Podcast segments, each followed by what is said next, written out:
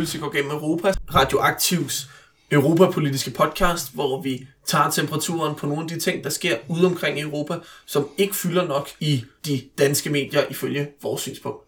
Jeg sidder her sammen med Jakob Rugård, som sidder i Enhedslistens hovedbestyrelse, som har øh, en baggrund eller har arbejdet i fagbevægelsen med nogle af de her internationale sager, har arbejdet med international handelspolitik, og i dag læser øh, politisk kommunikation og ledelse på CBS, samtidig med, at han arbejder i fagforeningen Prosa.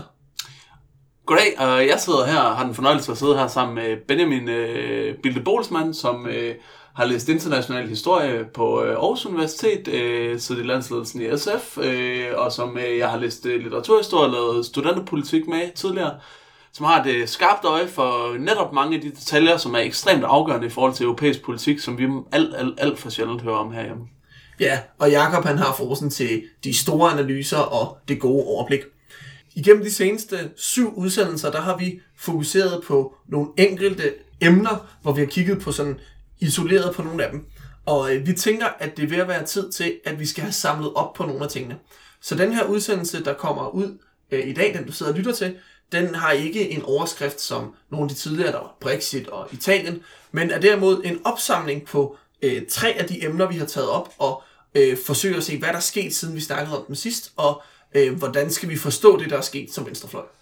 Præcis. Også fordi, at øh, mange af de udsendelser, vi har givet jer, der har vi øh, analyseret øh, en politisk situation og en politisk historie i et land øh, lige omkring et valg, eller lige op til et valg. Og vi kunne godt tænke os ligesom at øh, slå blikket tilbage og sige, hvad der så sket siden da.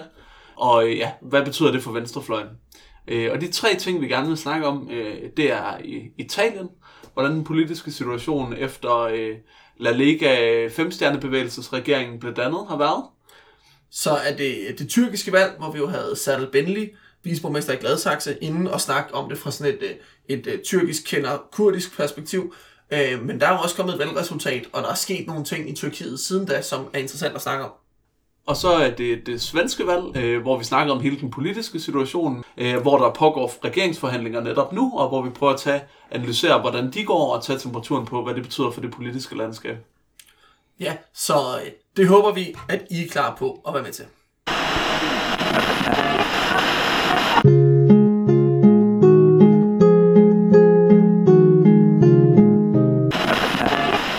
Le monde va changer de base. Nous ne sommes rien, soyons tout.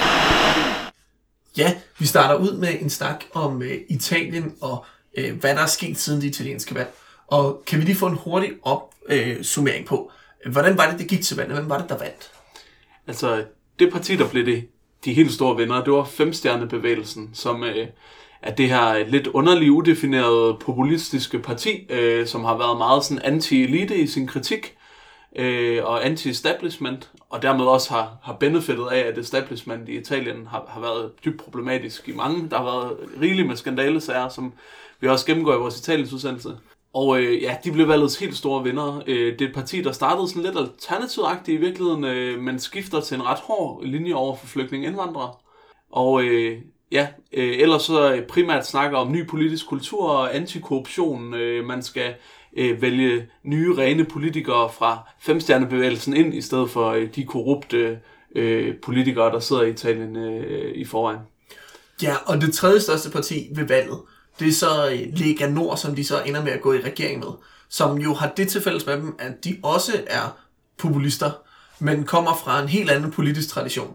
Lega Nord er jo sådan en regional parti, der har rødder i øh, konflikten mellem Norditalien og Syditalien, som er en konflikt, der går helt tilbage til øh, Italiens samling i virkeligheden, ja. hvor det jo er forskellige lande. Og øh, støtter, øh, oprindeligt støttet uafhængighed for Norditalien af Syditalien, altså simpelthen at Norditalien skulle udråbe sig som selvstændigt land. De lokale afdelinger har det med at støtte uafhængighed fra deres republikker, så man har sådan et Lega Umbrien og Lega Toscana og Lega Piemonte og Lega Veneto og sådan nogle ting. Men det man kan sige, deres udvikling er, at de har udviklet sig mere i retningen af de højrepopulistiske partier, vi har set.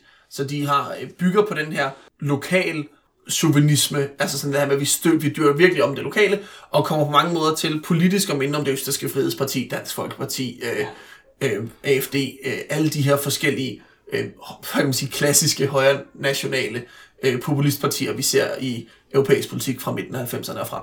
Ja, så de er, øh, det er også et parti, der har øh, særligt de ældre som kernemålgruppe, og meget hårde øh, modstandere af flygtning, øh, øh, integration, immigration, alt sådan noget, øh, luk grænserne. Ja. De har omdøbt sig nu til La Liga, for ligesom sådan at kunne fagne landet, så det ikke kun er nord. ja. ja, det er jo svært at få mange stemmer i syd, hvis ens politiske program og navn, som tyder på, at man synes stemme i syd mest af alt er nogle aber. Ja, og det vi snakker om sidst, bare lige sidste kuriosum, om denne her sammen, øh, altså den her regeringskoalition, det er, at altså vælger profilmæssigt er de meget, meget forskellige. Altså hvor det er øh, gamle, øh, lidt fremmedfjendske mennesker fra Norditalien, og det er unge, øh, der stemmer La Liga, og det er øh, unge arbejdsløse øh, fra Syditalien primært, der stemmer øh, femstjernebevægelsen. Ja, og fra byerne faktisk også. Ja. Så der er også sådan et by-land øh, aspekt i det. Ja, og det første man kan sige sådan øh, efter valget, vi, da vi snakkede sammen øh, først, så vidste vi ikke, hvordan det ville gå, og så øh, havde vi lavet sådan en kort opsummering, hvor vi snakkede om alt det kaos, der havde været omkring regeringsforhandlingerne.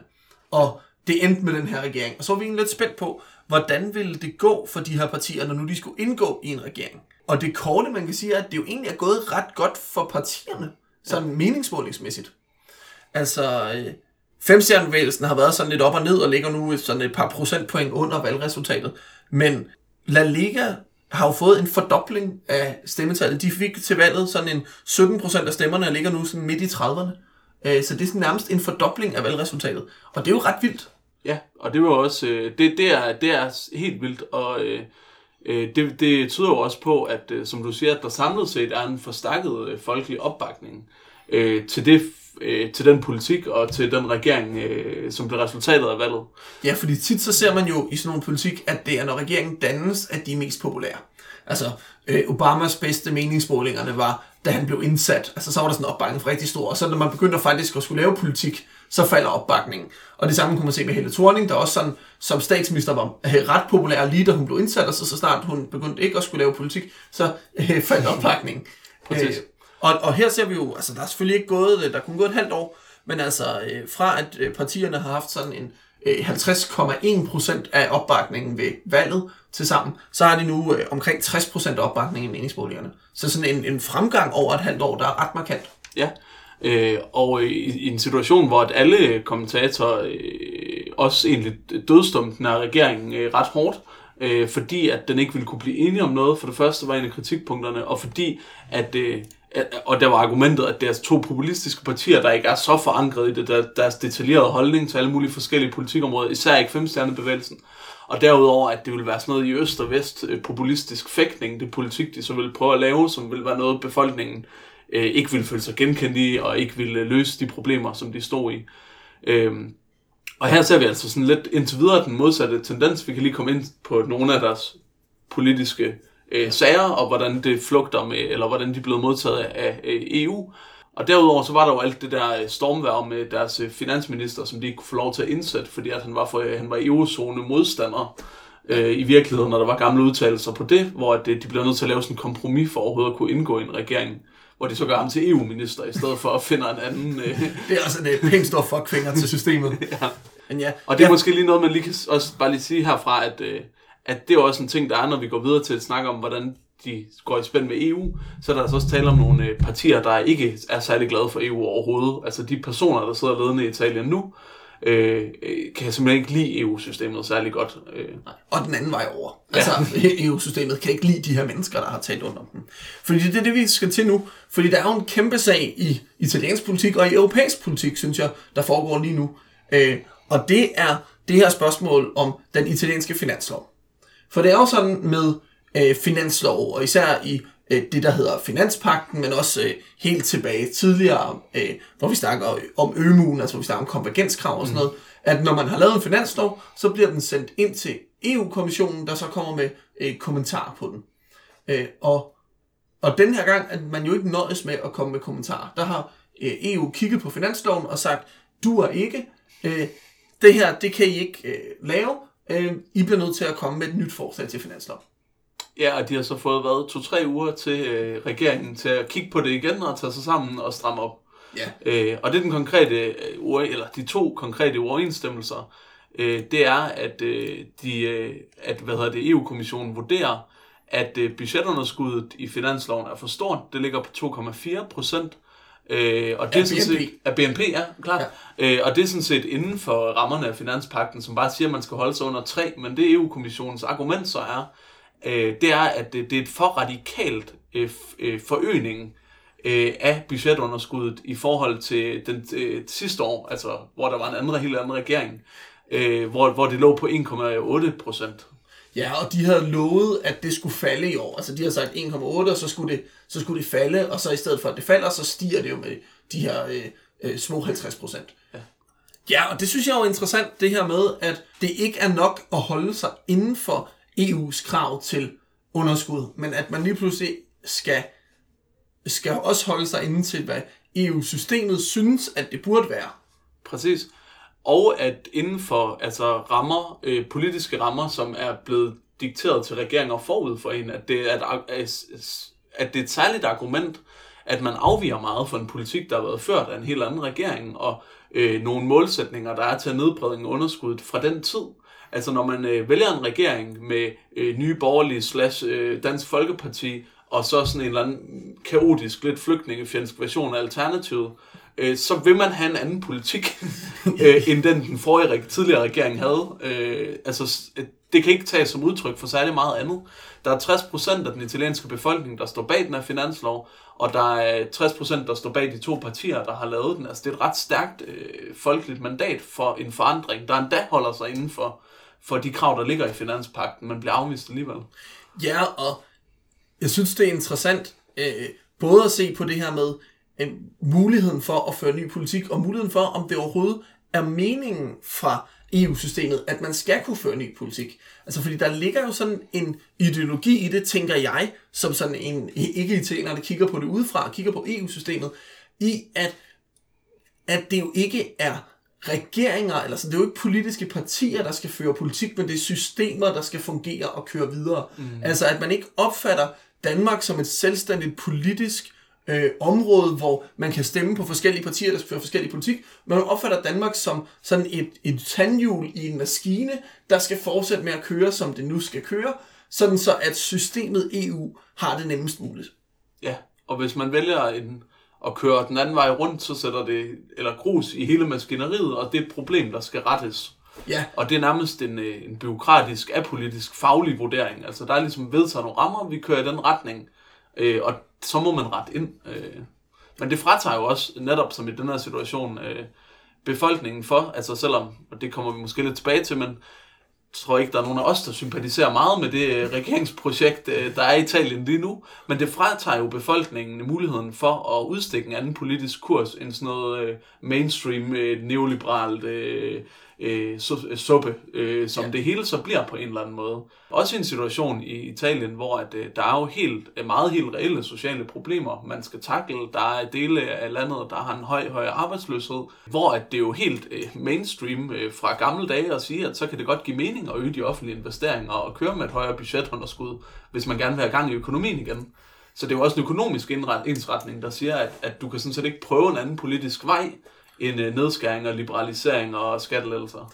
Nej, og det der så er argumentet fra EU's side, eller fra øh, kommissionens side, det er at sige, ja, det kan godt være, at jeres underskud ikke kommer op på 3% af BNP, men jeres samlede gæld er så høj. Altså der har man en EU-målsætning om, at samlet statsgæld må være 60% af BNP, og der ligger Italien op over 120 og mod de 130. Ja. Men det, der har vi jo igen det her system med, at man opfatter, man opfatter politik som sådan en, at det skal være en videreførsel af det foregående, og at, at de ligesom arver, og det er måske også meget rimeligt, at Italien ligesom er Italien, og de arver nogle ting, men der, der er jo ikke en stor mulighed for at ændre noget, når de ligesom bliver sat i en position, hvor det ifølge systemet kun er nedskæringer, der er muligt, fordi man ligger på det dobbelte af det, vi har sat som målsætning. Præcis, Altså, der- ja. det kan være netop, øh, som man også så lidt en tilsvarende situation med Grækenland, men det kan jo være netop, øh, altså den form for neoliberal politik, der også har bragt det ind i det sted, og at muligheden for at få folk i arbejde øh, til dels selvfølgelig har været øh, for eksempel Grækenland at bekæmpe korruption og lignende, men også kunne være faktisk at investere i infrastruktur, investere i uddannelse og dermed give befolkningen en anden mulighed.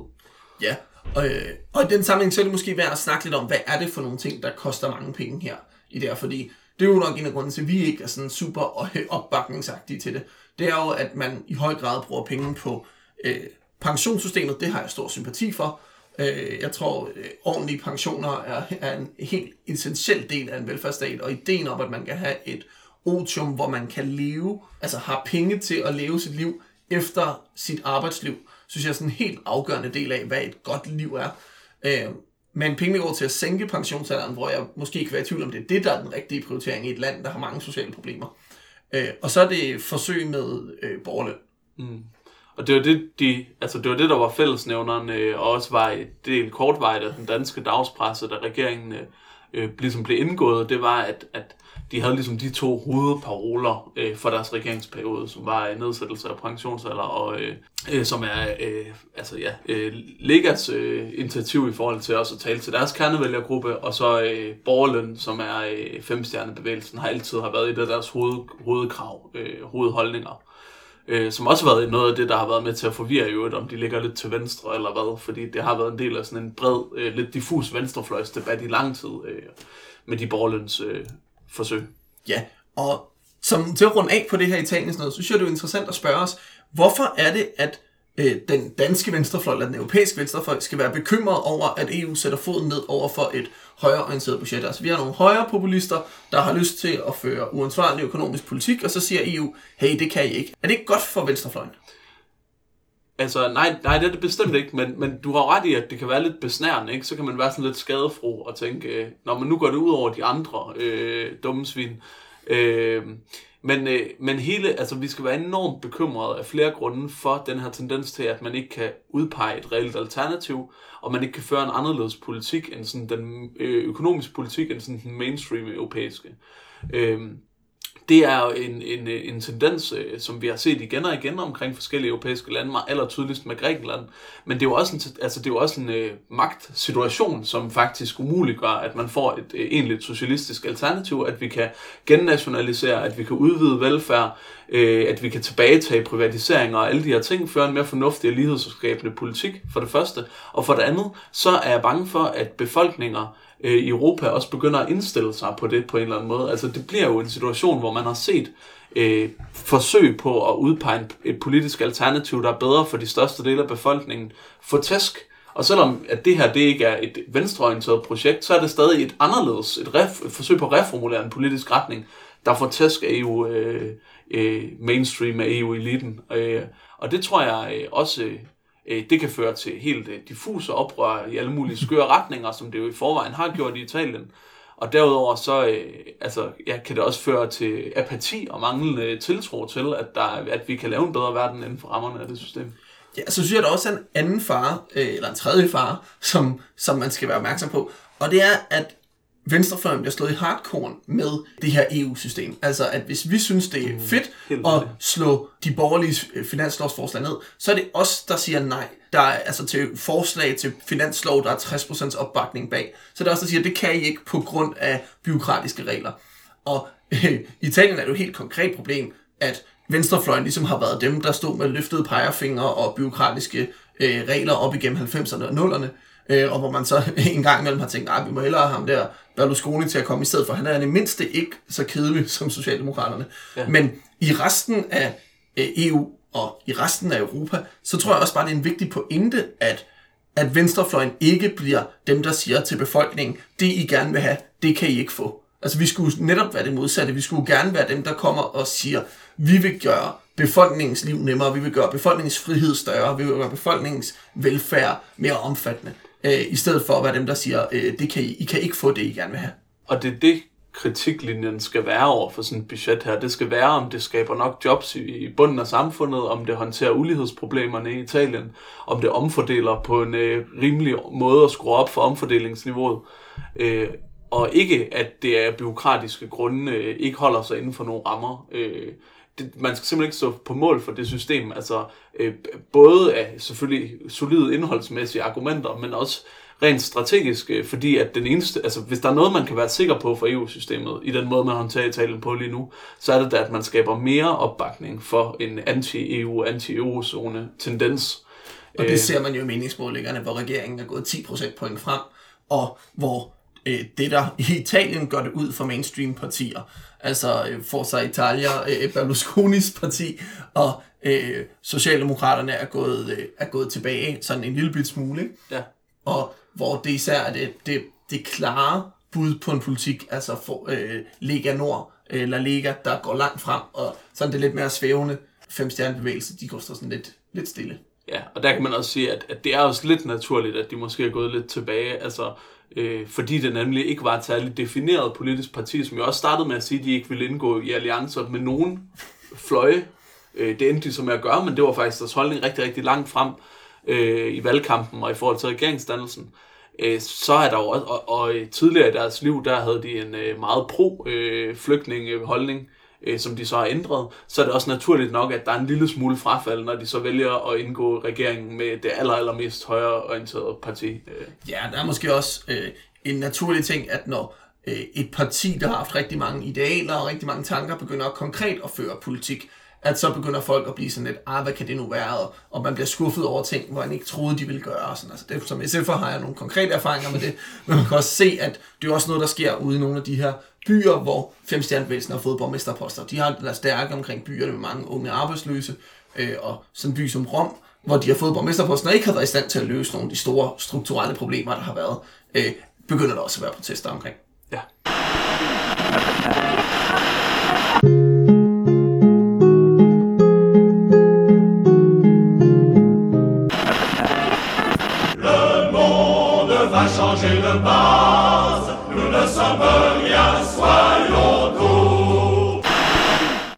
Det næste emne, vi har med, det er en opdatering på øh, Tyrkiet, den politiske situation øh, efter valget. Øh, der havde vi jo Sadel Benli inde og været med til at tale om, hvordan er forholdene øh, i Tyrkiet, hvordan er øh, øh, forholdene omkring kurderne i Tyrkiet, og om journalister og almindelig øh, øh hvad hedder det, åbenhed og demokrati. Øh, men det var også igen en situation, hvor det jo faktisk var før, at, øh, at valget var, og vi ikke har opdateret på det siden. Øh, så lad os lige prøve at tage temperaturen på, hvordan endte valget så, og hvilken politisk situation står vi i. Ja, det vi stod i før valget, det var, at der var øh, især to rigtig spændende ting. Det ene, det var øh, om øh, det, venstre, det brede venstrefløjsparti øh, HDP, som jo i høj grad også er et kurdisk parti, også et parti for nogle af de andre etniske og kulturelle mindretal i Tyrkiet, om de vil overleve den, øh, i mine øjne, ret sindssyge spærregrænse på 10 procentpoint. Altså om de kunne få 10% af stemmerne og komme ind. Og der har de, øh, det har de klaret et par gange, men kun lige med det yderste neglene den ene af gangene. Så det er jo ret spændende, om de i øh, kølvandet på politisk forfølgelse og øh, altså på mange måder øh, ret ubehagelige oplevelser, om de vil over, komme over den her 10% Vi grænse. hørte jo, at deres ledere og aktivister var i spjældet, rigtig mange af dem, der valgstederne blev flyttet langt væk fra de lokale landsbyer, øh, så man skulle ja. Ja. gå sindssygt langt, og der var en masse store problemer med den måde, øh, eller man chikanerede simpelthen deres vælgere øh, for ikke at stemme på dem. Ja. Ja. Og det andet, der var et stort spørgsmål, det er jo det her om øh, Erdogan, øh, den tyrkiske øh, præsident, om han vil få øh, flertal igen. Altså fordi netop fordi, at der har været nogle, nogle ting i tyrkisk politik, kunne det være, at han ville få øh, sådan nogle af 40% af stemmerne, men ikke flertal, der var sådan politisk manøvredygtig, eller i hvert fald flertal, hvor han blev nødt til at søge mod midten for at fastholde sin magt. Øh, og det er jo ret interessant i forhold til, hvad for en politik, der vil komme ud af Tyrkiet. Ja, lige præcis. Og øh, ja, man kan sige, øh, for at tage det første, så HDP endte med at komme ind, øh, så det er stort tillykke. Altså, så på den måde har man øh, øh, en rigtig venstrefløj repræsenteret i, i Tyrkiet stadigvæk, øh, og en rigtig, rigtig vigtig minoritet, øh, som er udsat for i stigende grad af vanvittig politisk forfølgelse, øh, repræsenteret øh, også. I forhold til flertallet i parlamentet, så, øh, så skete der faktisk noget. Altså tidligere der havde øh, Erdogans parti, øh, hvad hedder det, Retfærdigheds- og Udviklingspartiet, der er omkaldt Justice and Development Party på engelsk. Jeg er ikke helt sikker på, hvad den gode danske oversættelse er. Heller ikke jeg. Hvad? Heller ikke jeg. Nej, øh, de havde absolut flertal i parlamentet. De fik ikke øh, over 50% af stemmerne, men fordi der var partier, der ikke kom ind, så fik de over 50% af stemmerne blandt de partier, der kom ind. Så de sad på et flertal. Og det mistede de faktisk ved det her valg. Men øh, dem, de mistede flertallet til, var et øh, parti, der ligger til højre for Erdogan, og som er en del af den samme alliance som Erdogan. Så på, man kan sige, på en måde så øh, er, blev Erdogans parti som selvstændig institution svækket, men politikken blev ikke svækket, og øh, om noget, så er det jo noget, der som presser ham mod højre, at, at det, at det er et, et, et nationalistparti, et højre nationalistparti, der ligesom er, øh, er dem, han skal basere sin politik på nu. Ja, lige præcis. Altså, vi talte om sidste gang, om, om hvis at, øh, at parlamentsvalget, at han ikke kunne få øh, flertal selv, at det kunne øh, tvinge ham i en, i en eller anden grad af opblødning og nyorientering. Øh, øh, og at øh, de ekstreme aggressioner, som han øh, så havde optrappet i forhold til det kurdiske mindretal og venstrefløjen frem mod valget, måske også en lille smule var et, øh, svaghedstegn, øh, altså fordi at øh, han havde interesse i at ligesom blusse det op til næsten borgerkrigslignende tilstanden, sådan så at man øh, bliver bange og stemmer på det sikre og trygge. Og der kan man sige, at, at det var jo rigtigt, at, at hans parti var presset, men om noget, der kommer han jo til at stå i en situation, hvor at det er en intensivering af kritik og forfølgelse af politiske modstandere og etniske minoriteter, øh, der skal til for at tilfredsstille den base, han sidder på. Ja, det er jo den her interessante ting, hvor øh, vi, altså, det, så kan vi snakke om nationalisme-teori og hvordan nationalisme fungerer, men især i Tyrkiet er der den her meget stærke øh, nationalistiske ideologi, som jo baserer sig på øh, det tyrkiske folk, mm. som, som, som ligesom bliver vurderet som dem, der har ret til at lede Tyrkiet, og har jo været en tradition for forfølgelse af etniske mindretal, og i hvert fald også sådan en udskrivning af historien, som går århundreder tilbage, men som jo også under øh, det nuværende Tyrkiet har været rigtig stærk, og kurderne er jo den kendte historie, men, men det er jo en del af en tradition, hvor, hvor det tyrkiske folk ligesom kommer i centrum. Lige præcis. Øh, og det andet perspektiv, øh, det er, hvordan vil det, altså, hvordan, hvad ville Erdogans muligheder for at fortsætte ligesom sin kurs øh, i retning af øh, opgør med retsstaten og med hele de grundlæggende checks and balances system, øh, mekanismer, der er i, øh, i Tyrkiet. Øh, og, øh, og der må man også sige, altså der er heller ikke noget, der tyder på, at, at det mandat ligesom er svækket efter det her valg. Øh, vi snakkede øh, på et tidspunkt om de her, altså øh, for så vidt demokra- principielt demokratiske, altså valgsituationen om Tyrkiet gør det nok næsten tvivlsomt, må man sige, ikke? Men, men, som i hvert men, men hvor at, at folkevalgte bruger deres mandater til at afvikle ret, centrale retsstatsprincipper, ja. øh, begrænse den fri presse og lignende. Øh, og der er jo heller ikke noget, der tyder på, at, øh, at Erdogan ikke, ikke kan buller der ud af, sådan set, øh, med det mandat, han sidder på. Heldigvis med en formel venstrefløj repræsenteret, og med de parlamentariske, altså de muligheder, en parlamentarisk repræsentation giver for at række ud til internationalt samfund, tage imod politikken osv. Ja, vil sige, en anden ting, der styrker Erdogan, styrter Erdogan også, er, at han vandt øh, præsidentvalget i første runde. Altså ja. det er sådan en klassisk øh, fransk ordning med, hvis man får over 50% af stemmerne, behøver man ikke gå i omvalg, og hvis man der er under, så er de to øverste videre til anden runde. Hvor han vandt i første runde med sådan 52,5% af stemmerne. Der gør jo også en, en formel opbakning, kan man sige, en demokratisk opbakning til ham. Mm, lige præcis. Ja.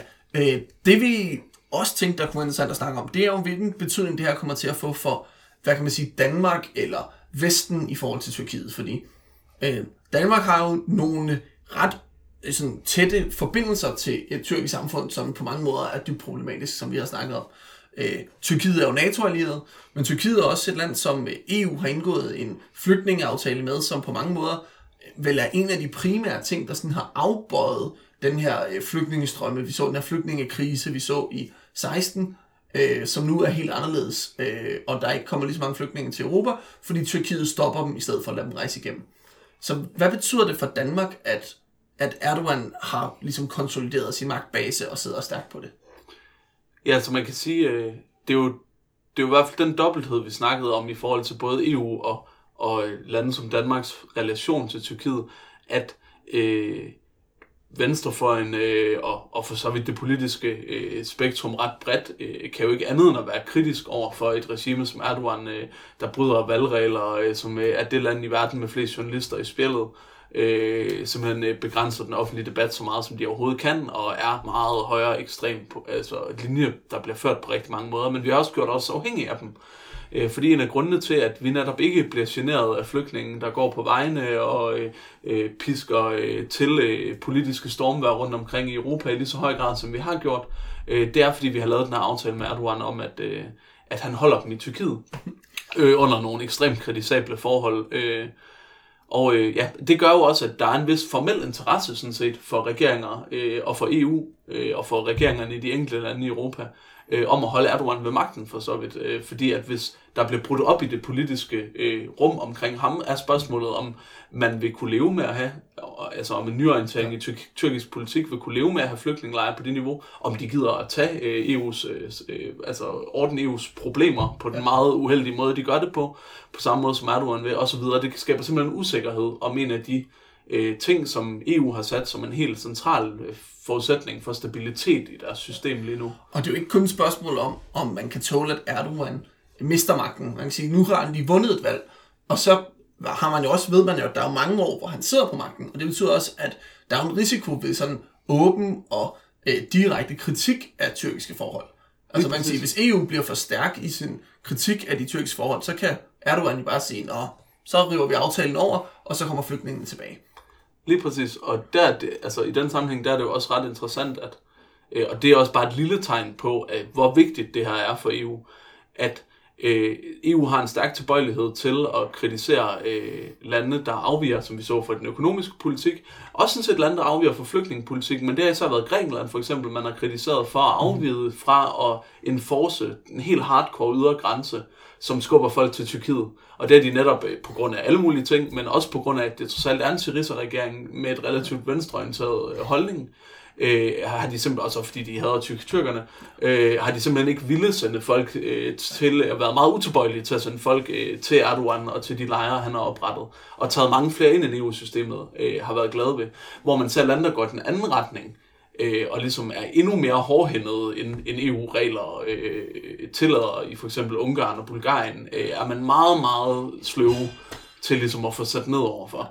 Og det, og det er simpelthen fordi, tror jeg, at systemet øh, øh, mener, at det overlever ved øh, at øh, forstærke de ydre grænser. Det kan man kun med en, øh, ja. Med opbakning fra Tyrkiet. Ja, lige præcis. Ja.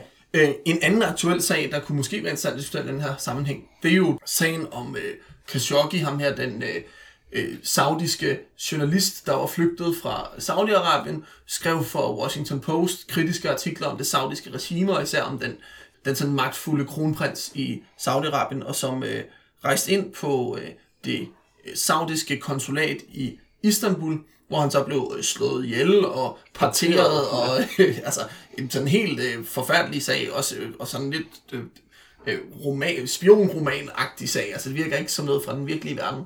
Øh, og i den sammenhæng, så det her med, hvordan fungerer Tyrkiet i forhold til den muslimske verden, i forhold til Vesten, og hvad vi kan sige og gøre og sådan ting.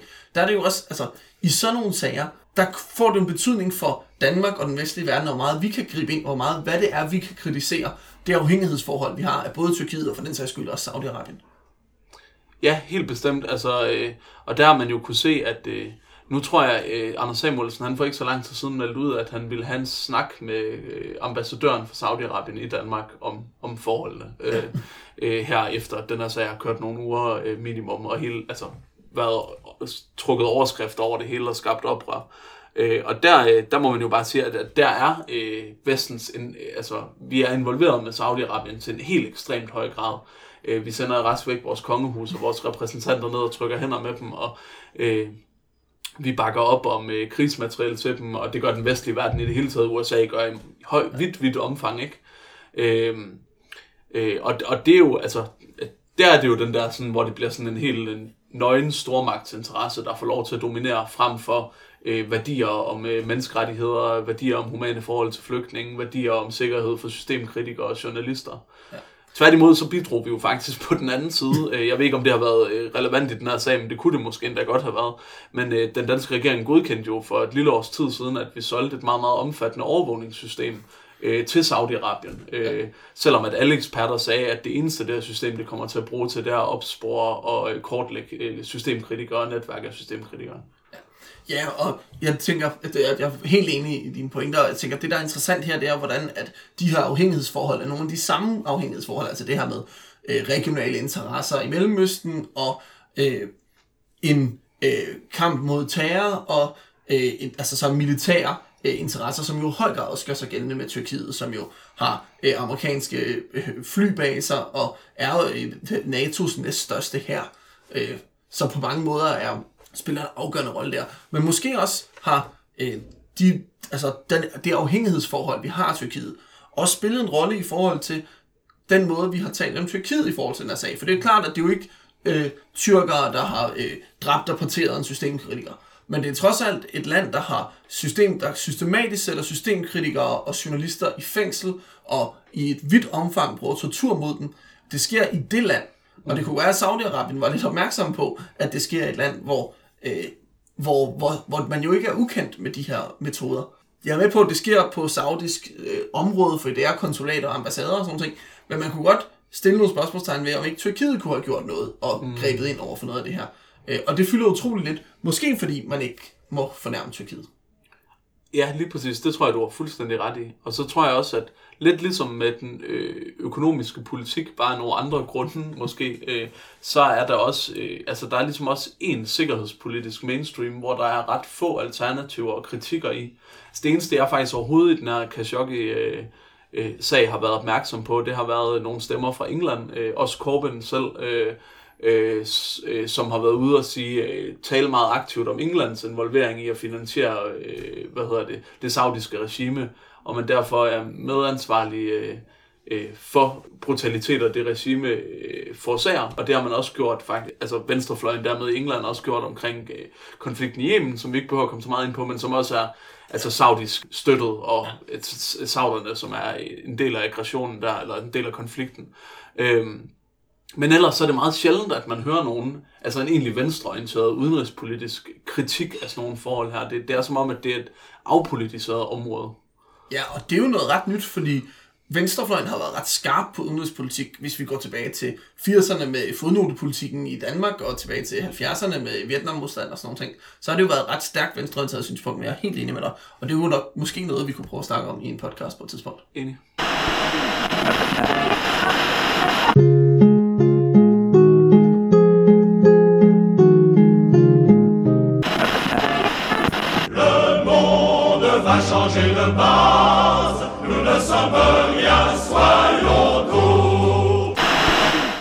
Så øh, er vi nået til det sidste emne i dag i vores podcast, og det er det svenske valg. Og det var jo øh, en kamp mellem på den ene side øh, alliancen, som består af de her fire øh, svenske borgerlige partier, sådan øh, lidt forskellige udvalg af liberale og konservative og kristendemokratiske partier. Yep. Og så på den anden side de rødgrønne, som består af Miljøpartiet og Socialdemokraterne, støttet af Venstrepartiet. Ja. Men så er der jo en joker i det svenske valg. Ja, og det er Sverigedemokraterne, som øh, man øh, som øh, gik frem og får rigtig, rigtig godt valg, øh, og som øh, begge blokke stadigvæk har holdt fast i, at øh, de ikke vil sidde i regeringen på Sverigedemokraternes mandater. Øh, som man så at sige, øh, lidt ligesom situationen var øh, tidligere, at øh, man vil ikke lave en finanslov med Sverigedemokraternes opbakning, så man har bakket hinanden op i Sverige, som vi snakkede om i den podcast, altså simpelthen stemt for finansloven. man var uenig i, øh, for at, øh, at der ikke er nogen, at, at, at Sverigedemokraterne ikke skulle være udslagsgivende, hvilket de formelt set var, hvis man talte dem med, øh, i, øh, øh, talte deres mandater med. Øh, og det er det samme med regeringsdannelsen nu, og det har så bevirket, at indtil videre, der har vi simpelthen ikke en regering i Sverige. De er, de er stadig i gang med at forhandle. Øh, og kan man, kan man opsummere det øh, på en, altså, øh, hvis man regner Sverigedemokraternes mandater fra, så har øh, den siddende socialdemokratiske øh, koalition, øh, hvad hedder det, et flertal på et mandat bag sig. Ja. Øh, så på den måde, så kan det give mening, at de laver regering, men på den anden side, så har Sverigedemokraterne jo tidligere stemt for de borgerlige budgetter, og ligger altså også sådan til højre, siger de, selvom det er meget uklart, hvad der sådan fordelingspolitiske agenda egentlig er. Øh, så derfor mener de borgerlige, at der alligevel er flertal blandt svenskerne øh, for en borgerlig politik. Øh, så det er lidt der, vi står. Ja, og man kan sige, sådan i praksis så har... Øh, først så var det den øh, Moderaternes formand, Ulf Christensen, eller Ulf Christensen, der fik øh, mandat til at prøve at forhandle en regering hjem, og brugte noget tid på det, og det lykkedes så ikke.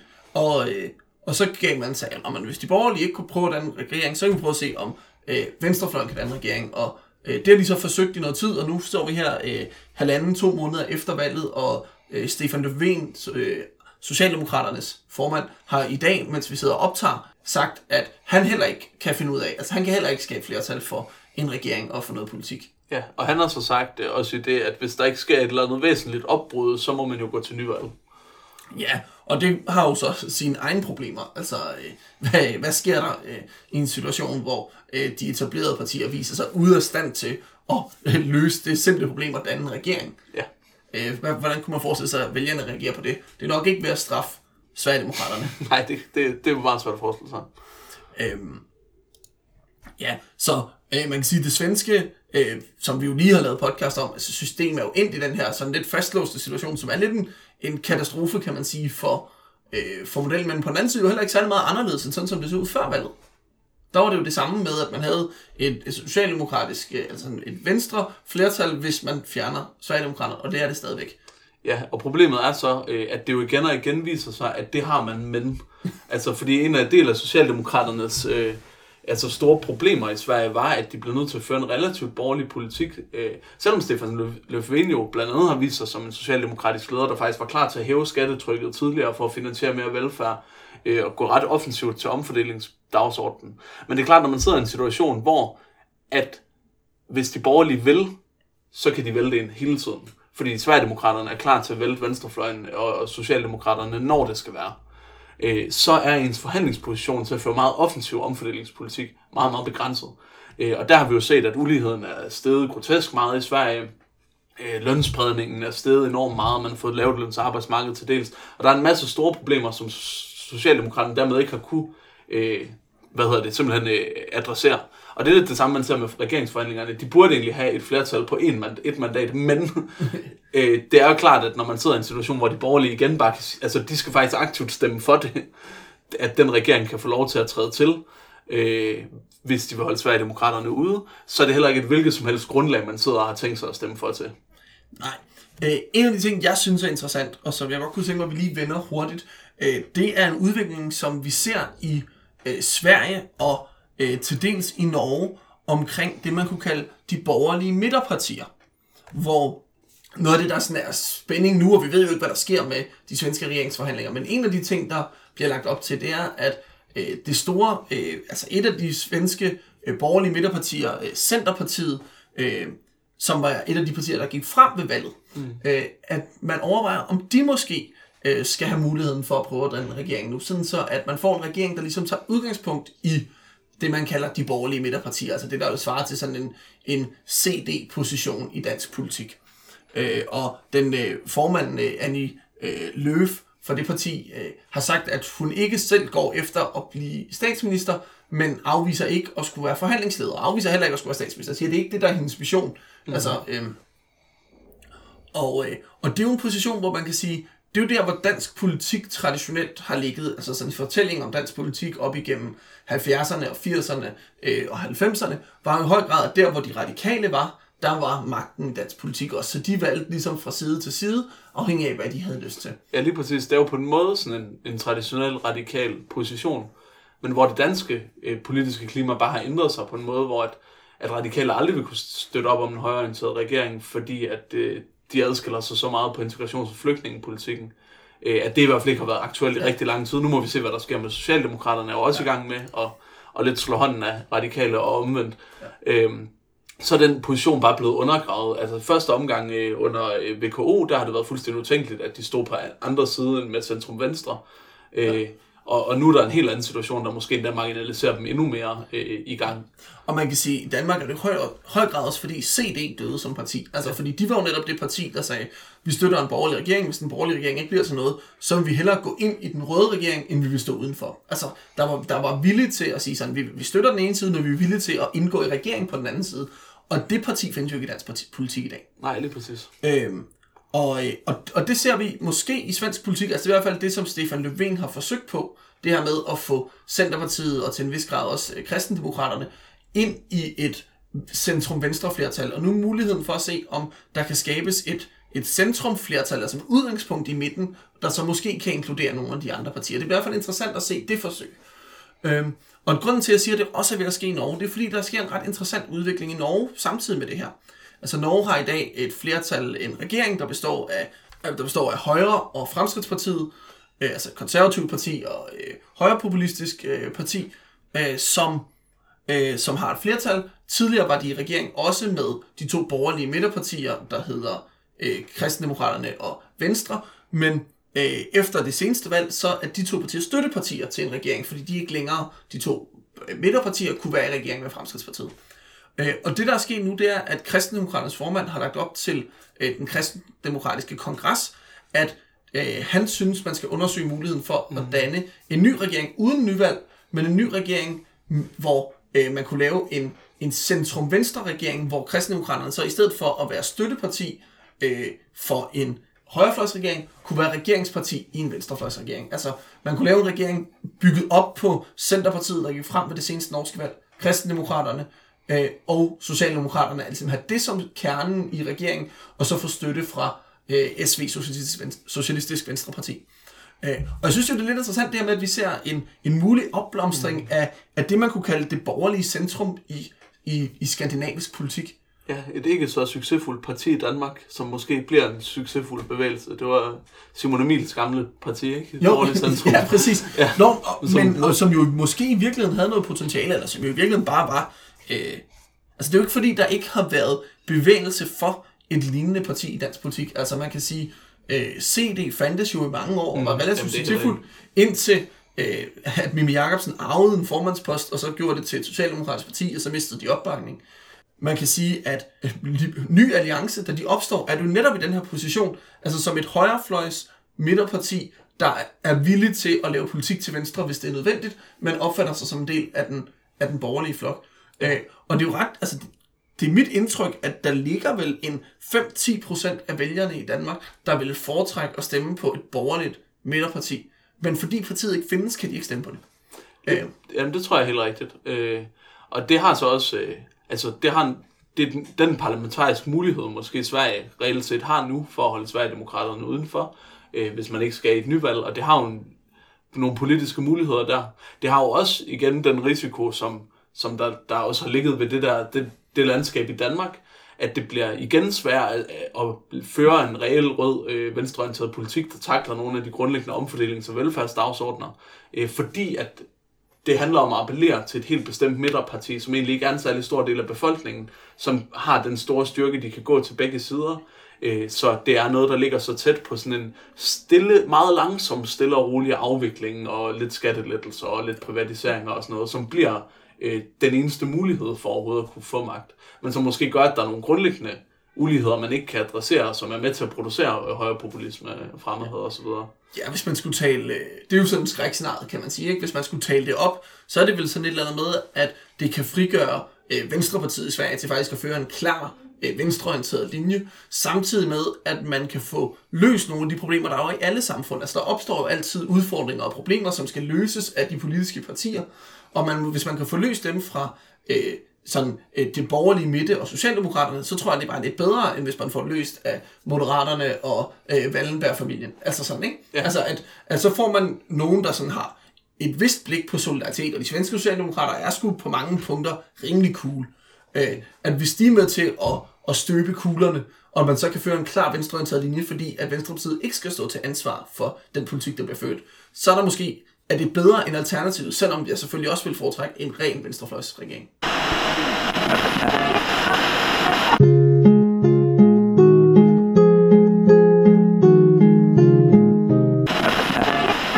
Le monde va changer de base, nous ne sommes rien, soyons tout.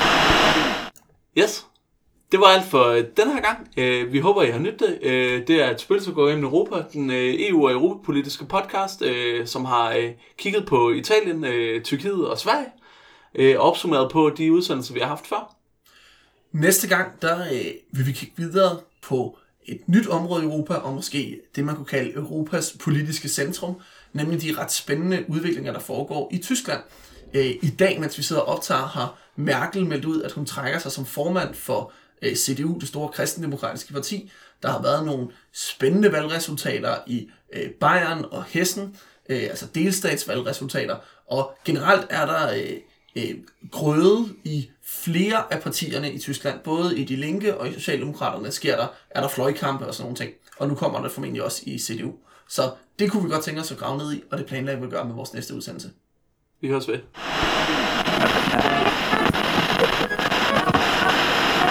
La lutte